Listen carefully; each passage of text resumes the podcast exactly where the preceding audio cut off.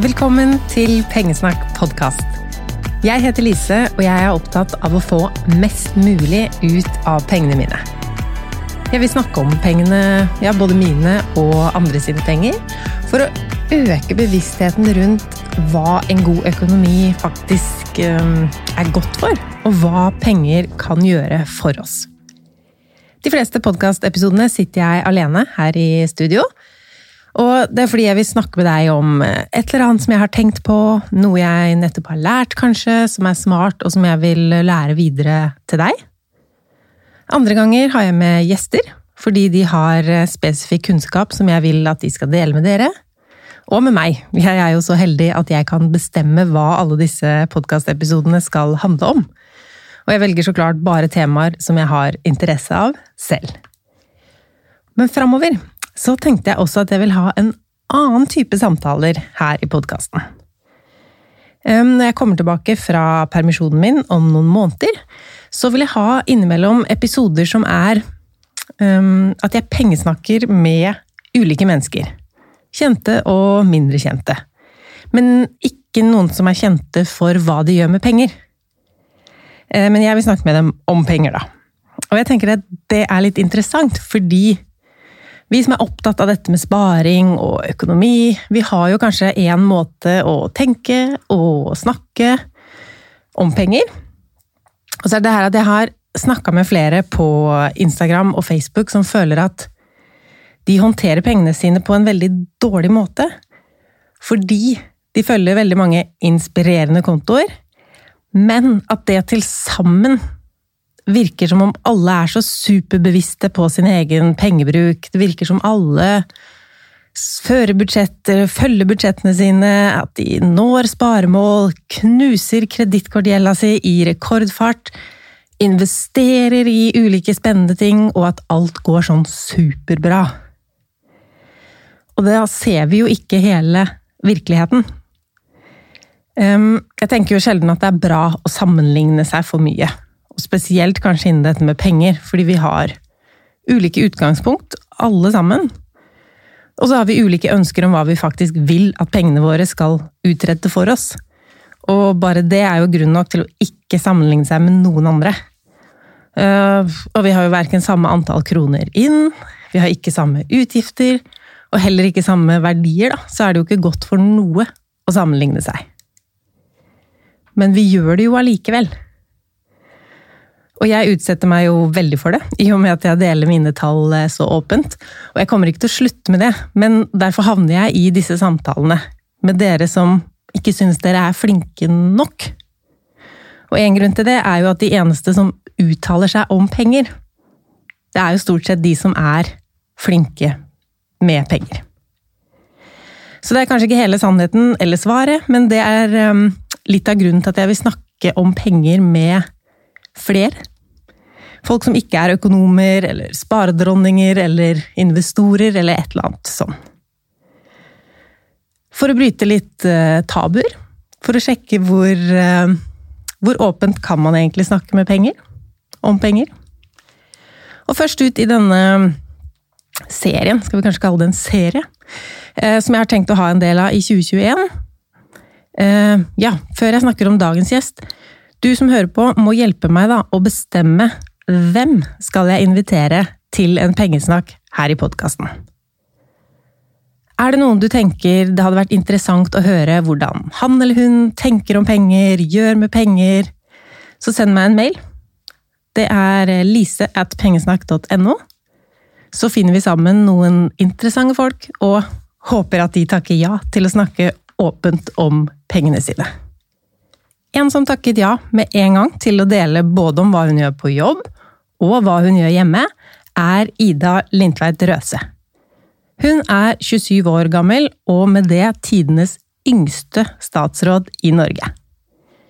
Hun er, når vi spiller inn dette, barne- og familieminister, mens Kjell Ingolf Ropstad er i pappapermisjon.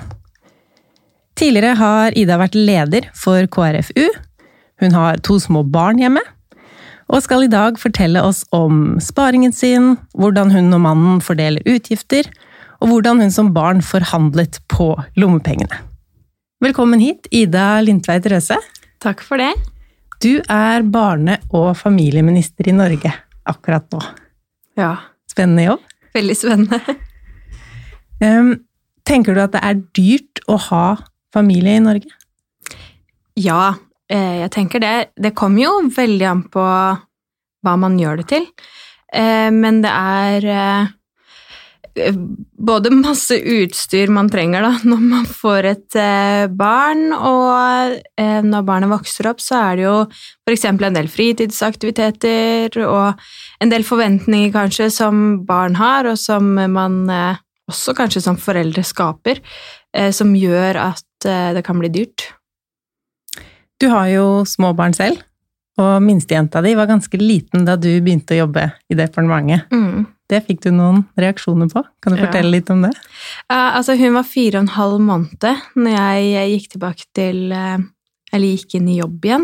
Eh, og eh, det var mange som heide på det, men det var også noen som eh, kom med ganske negative reaksjoner da, og syntes at eh, jeg eh, ja, svikta barnet mitt, eller eh, at det ikke var sånn det skulle være. Og også reaksjoner liksom mot eh, ja, nå er jo jeg eh, statsråd fra KrF, som jo eh, mange kjenner til har kjempa for eh, stor valgfrihet, også med det å være hjemme med barn.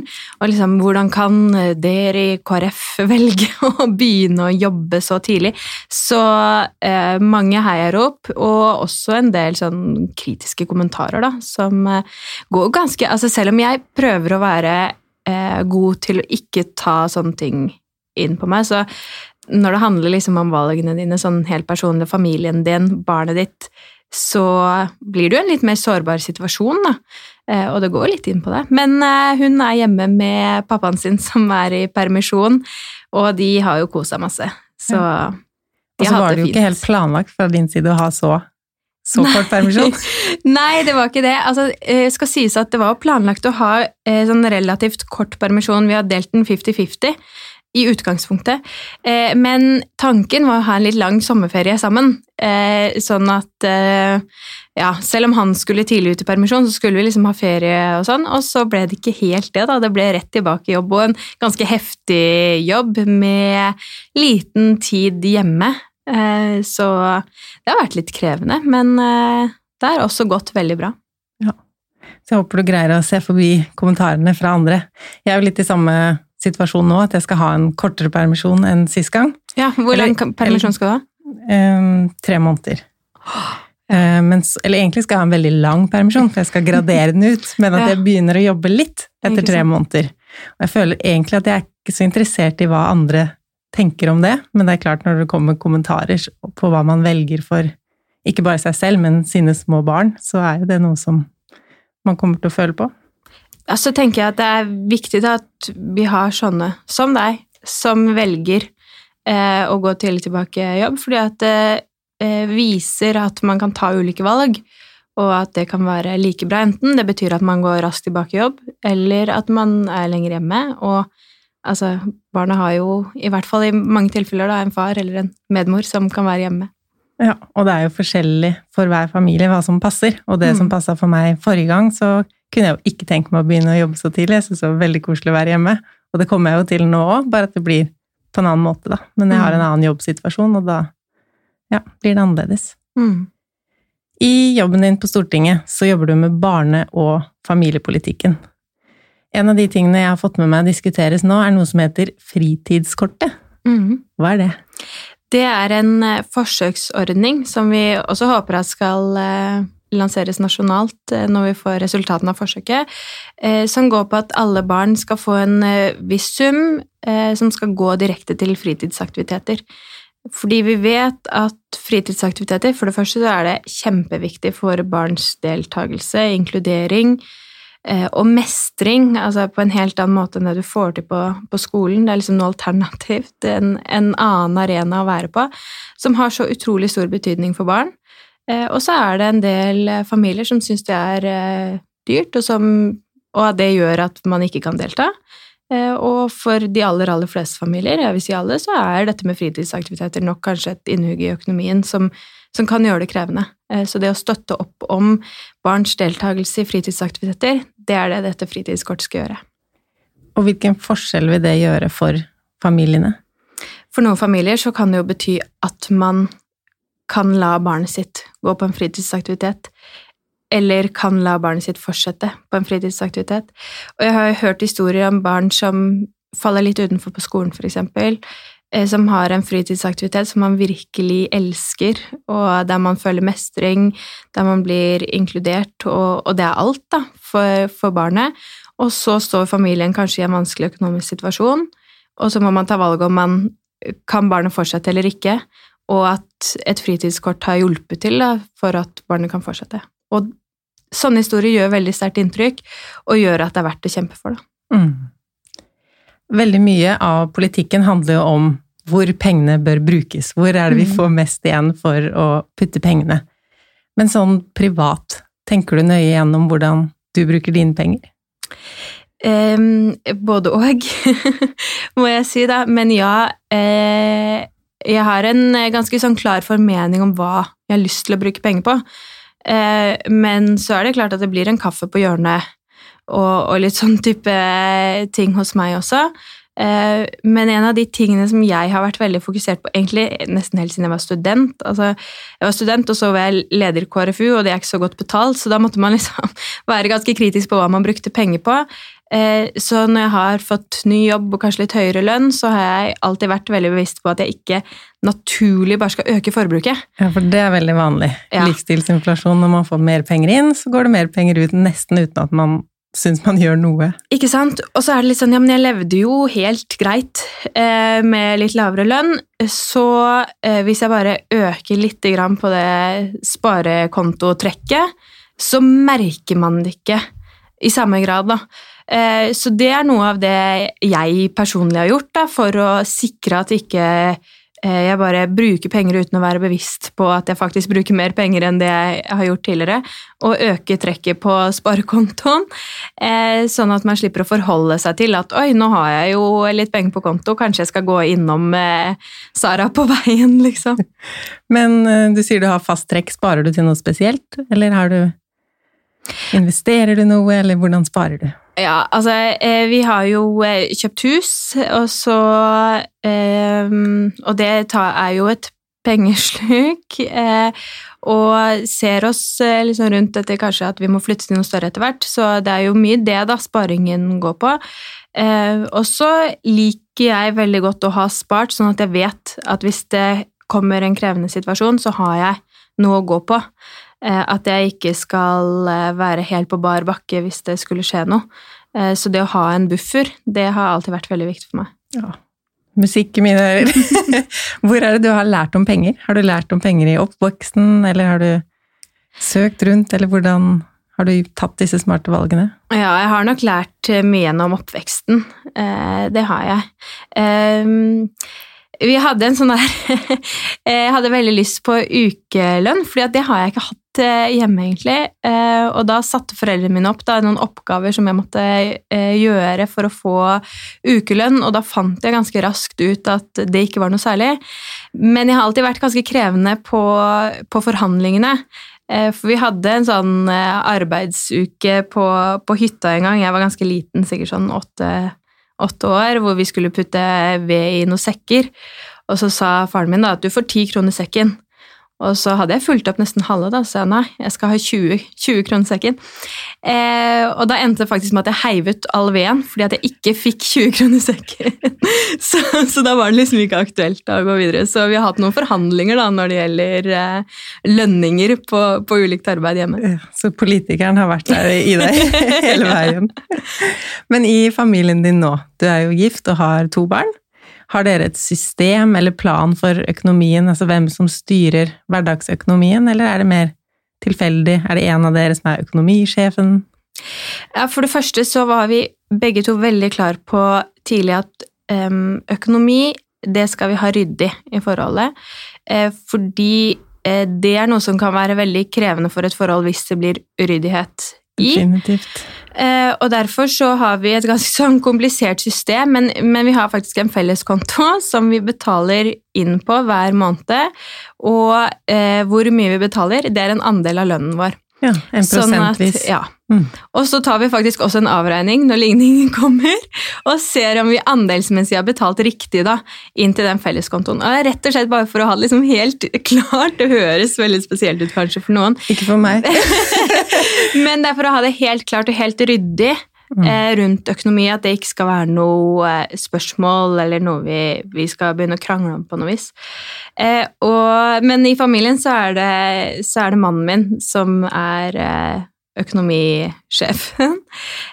og jeg har kontroll på alt, men det er rett og slett fordi at han, han elsker å holde på med Excel og styre på med de greiene. Det er liksom to ting som jeg ikke blander meg inn i, i hans domene, og det er matlaging. For det digger han, og det hater jeg. Ja, eh, og så er det eh, dette med å styre med forhandlinger rundt banken og sånn. Det er egentlig et godt tips, for jeg har blitt ganske overraska over hvor mye man kan forhandle ned av utgifter til altså forsikring, eh, TV-abonnement, eh, bilforsikring, bankrenter osv. Eh, og mannen min han er jo på fornavn med, med, finansrådgiveren, så når han ser at forskjellen mellom Nibor, renta til banken, og vår rente blir litt høy, så tar han telefonen, telefon, og så liksom Nå er det på tide å forhandle ned renta. Og det at han digger å gjøre dette og har så kontroll på det, det gjør at jeg har sagt at ok, det, det skal du få lov til å, å kose deg med. Ja, da er økonomien i gode hender. Det er viktig at man faktisk har i hvert fall at én liker å ta tak i det, da, enn at ikke begge tenker at Ja, det er kjempeviktig, og så er det jo også viktig at begge to har eh, kontroll på hva som skjer. Altså, det er jo ikke sånn at jeg ikke kunne tatt det ansvaret, men eh, hos oss har det falt ganske naturlig. når han har så stor interesse. Når han ja. syns det er så, så gøy. Ja. Og du har jo innsyn, og det virker som han informerer deg om hva han driver med. Det er også ja, viktig at begge er inkludert. og så kommer det jo sånn derre Vet du hva jeg har fått til nå? Nå har jeg forhandla med, med 100 kroner i måneden! Ikke sant? Så ja. Så han er veldig stolt av, av den jobben som gjøres på det området. så bra. Um, jeg elsker å stille litt sånne spørsmål.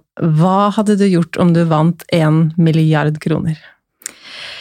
Oh, eh, jeg hadde eh, jo eh, brukt en del til å bare investere, type i, i hus og sparing til barn osv.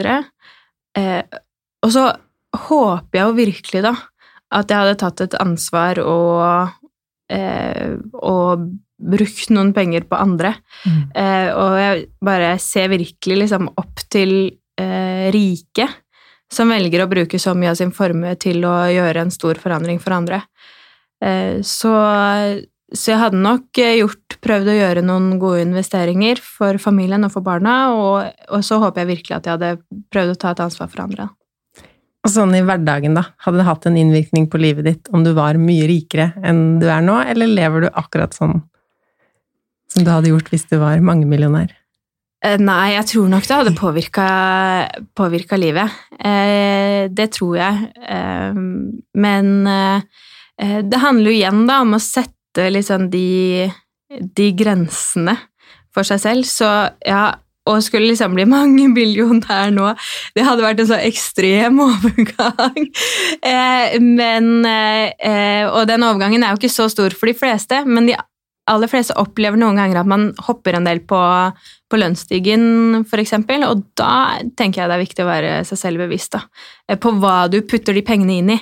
Eh, enten om det er i sparing eller investering i eh, hus eller bil eller andre ting som familien eh, trenger, da, og som du får noe igjen for. Men sånn i din omgangskrets, jeg merker at du er komfortabel med å snakke åpent om penger og forbruk. Er det vanlig i din omgangskrets å snakke så åpent om penger, eller merker du at det kan være litt tabu på jentekvelden? Eh, både og med mine nærmeste venner så tror jeg ikke det er så veldig tabu, egentlig, men det er mer fordi at vi kan snakke om alt, liksom. Eh, men det å snakke om penger generelt, det føler jeg jo er et eh, At det er tabu rundt det. Og at det At det ikke er noe man er sånn veldig komfortabel med å snakke om, da. Det, det tror jeg jeg i hvert fall kjenner meg igjen i, og andre kanskje kjenner seg igjen i. Ja, og så er det litt ulike temaer, på en måte, for hva et hus kosta, eller hva man ga for leiligheten sin, det er liksom veldig greit å si. Men hva man tjener, kanskje, eller hva man har brukt på noe, da er det mer eh, Hvorfor skal du vite det? At vi har Mm. liksom blitt lært opp til at det er noe mer hemmelig, da. Mm.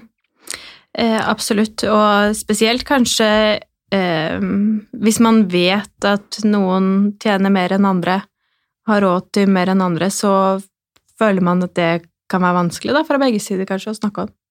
Jeg tenker det også er litt sånn tabu, da, for eh, en del som søker karriere, om eh, man Altså at man faktisk syns det er en, en motivasjon Mm. i å tjene penger, det kan jo faktisk være et litt sånn tabu i, i samfunnet vårt. Eh, og vi er jo helt avhengig av at folk tar på seg lederoppgaver og har ambisjoner. Men jeg tror ikke du nødvendigvis er så veldig god leder hvis du tar på deg den lederoppgaven fordi at det gir deg et lønnshopp. Eh, da har du kanskje fokus på litt feil sted. Da. En sånn leder eh, er det ikke sikkert at jeg ville ønska meg, i hvert fall. Eh, men ambisjonen om å ta på seg oppgaver og risiko, tror jeg liksom motivasjonen bør komme fra et annet sted. Jeg har i hvert fall vært veldig sånn som politiker at idet jeg hvis jeg skulle komme dit at jeg tenker mer på liksom, hva slags posisjon kan jeg få, eller eh, hva slags neste karrieresteg er det jeg kan ta, istedenfor hvilke saker er det jeg er opptatt av, hvorfor er det jeg driver med, med politikk? Jo, nettopp for å kjempe frem noen saker som jeg tror på, gjøre hverdagen bedre for familier, barn eh, i hele landet vårt, og også faktisk det internasjonale ansvaret vi har, så må man bare slutte. Da må man finne seg noe annet å gjøre. For du tror ikke det er noe i det at eh, hvis det hadde vært høyere lønninger til statsminister eller toppolitikere i Norge, så hadde interessen vært større, og vi hadde fått flere flinke folk inn i politikken? Altså Det som kan være en utfordring, er jo hvis du eh, f.eks. er i det private næringsliv eh, og eh, har en god lønn, og så eh, blir spurt om å ta en oppgave i politikken hvor det er et eh, lavere lønnsnivå, da er det ikke sikkert at alle har råd til det. Eh, hvis man har på en måte tilegna seg et sånt forbruk, da, at man har et lån å betale på, man har et billån å betale på. Så det må jo være en avgjørelse som den enkelte tar. Men altså, de aller fleste eh, kan leve veldig godt på den lønna som en stortingsrepresentant eller en fylkestingspolitiker eh, har i Norge, altså. Tusen takk for at du ville være gjest i Pengesnakk podkast. Tusen takk for at jeg fikk være med.